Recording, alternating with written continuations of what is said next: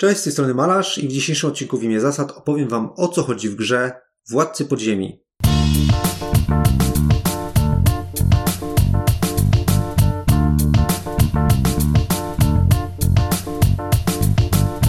Władcy Podziemi to w zasadzie średniej ciężkości eurogra autorstwa Vlady Fatila od dwóch do czterech graczy. Według społeczności serwisu Board Game Geek najlepiej działa na cztery osoby.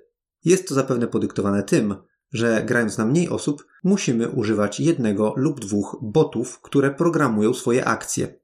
Władcy Podziemi w swoim charakterze miało być planszową implementacją lub przynajmniej silnym nawiązaniem do komputerowej gry Dungeon Keeper. Podobnie jak w Dungeon Keeperze, każdy z nas wciela się w rolę władcy podziemi, który buduje swój loch, powiększa go kolejne komnaty, rekrutuje potwory i stara się odpierać ataki bohaterów, którzy atakują nas z powierzchni.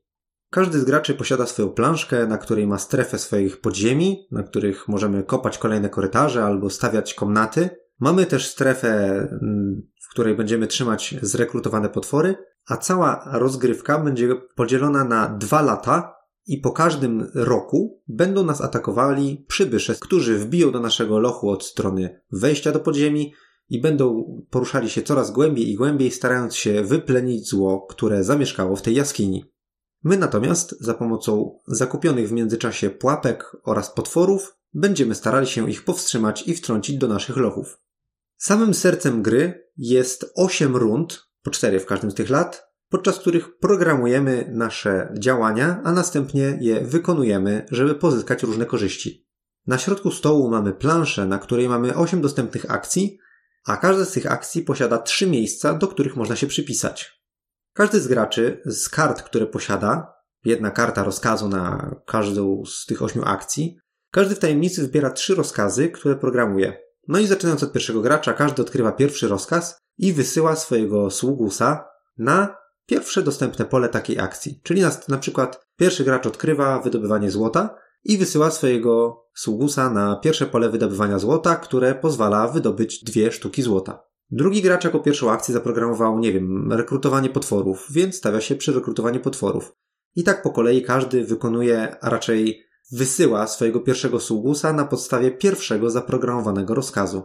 Następnie od pierwszego gracza wysyłamy sługusa na podstawie drugiego, a następnie na podstawie trzeciego rozkazu. Co jednak ciekawe, przy każdej akcji są trzy miejsca, a graczy, nieważne czy gramy z botami czy nie, graczy jest czterech co może skutkować tym, że wszyscy zaprogramują się do jednej akcji, ale ktoś się do niej nie dopcha i po prostu jej nie wykona. Co również jest ciekawe, każda kolejna osoba, która wykonuje daną akcję w danej rundzie, wykonuje ją nieco inaczej. Na przykład przy wydobywaniu złota pierwsza osoba może wysłać dwa swoje chochliki, żeby wykopały dwie sztuki złota. Druga osoba może wysłać trzy chochliki. Natomiast trzecia osoba będzie mogła wysłać nawet cztery chochliki, żeby wykopywały cztery sztuki złota. Jednak ten najlepszy wariant akcji okupiony jest tym, że najpierw jednego z chochlików trzeba zużyć jako nadzorcę tych prac. Podobnie jest w przypadku innych akcji. Na przykład pozyskanie karty pułapki na pierwszym etapie kosztuje monetę, na drugim poziomie pozyskanie pułapki jest darmowe, natomiast trzecia osoba, która się zaprogramuje do tej akcji, musi zapłacić dwie monety, ale dostaje dwie karty pułapek. Bardzo podobny schemat jest powtarzany w przypadku każdej z tych akcji. Im wcześniej się do takiej akcji dopchamy, tym mniej uzyskamy, ale im później, tym bardzo często będziemy musieli ponieść jakiś dodatkowy koszt. Dodatkową monetę, dodatkową kostkę jedzenia, y, dodatkowo obniżyć swoją reputację na złomierzu i tak dalej, i tak dalej. Za pomocą tych ośmiu akcji będziemy mogli powiększać tunele w naszym lochu, wykopywać złoto z tych tuneli, rekrutować nowe chochliki, które będą potrzebne do tych wymienionych przed chwilą prac, dostawać karty pułapek, pozyskać nowe karty potworów, pozyskać nowe karty pomieszczeń, zdobyć więcej pożywienia albo poprawić swoją reputację. O co chodzi z tą reputacją? Otóż trzy razy w czasie każdego roku będą rozdawane karty poszukiwaczy przygód, którzy już nieco wcześniej stoją w kolejce na planszy głównej i widzimy, co to za poszukiwacze przygód, i, zostaną oni do nas trzy razy w każdym roku przypisywani na podstawie tak zwanego złomierza. Im gorszą mamy reputację, im większe zło zieje z naszej jaskini, tym niebezpieczniejszy poszukiwacz przygód zostanie przypisany do ataku na nasz loch.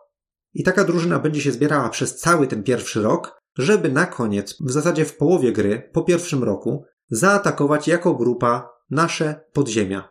I wtedy w połowie gry oraz na koniec gry, czyli po rozpatrzeniu pierwszych czterech rund i po rozpatrzeniu drugich czterech rund, następują takie interfazy, kiedy każdy z graczy gra taką minigierkę, która właśnie polega na tym, że tych jego trzech poszukiwaczy przygód, czasami też czterech, jeżeli ktoś będzie zbyt niegrzeczny i dostanie paladyna, to taka grupa poszukiwaczy przygód wjeżdża nam do lochu, a my musimy zaprogramować, że teraz na tym pierwszym polu, na które schodzą, ustawiamy na przykład pułapkę i potwora.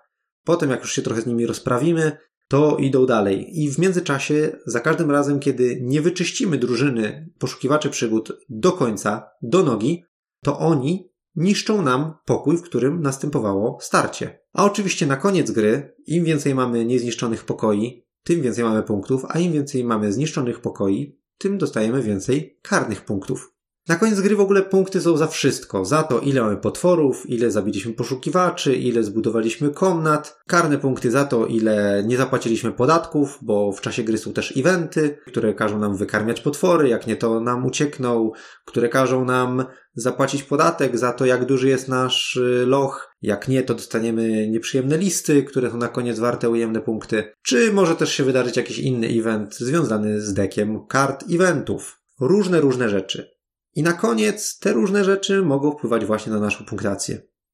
Oprócz tego, że rozliczymy takie standardowe punkty za te wszystkie rzeczy, które już wymieniłem, na koniec rozdawane są jeszcze tytuły. Sprawdzamy, kto jest największym draniem na tym złomierzu i dostaje on dodatkowe punkty. Kto ma najwięcej komnat, kto ma najwięcej tuneli, kto ma najwięcej potworów, kto ma najwięcej chochlików, komu zostało najwięcej zasobów, albo komu zostało podbitych najmniej pól w lochu.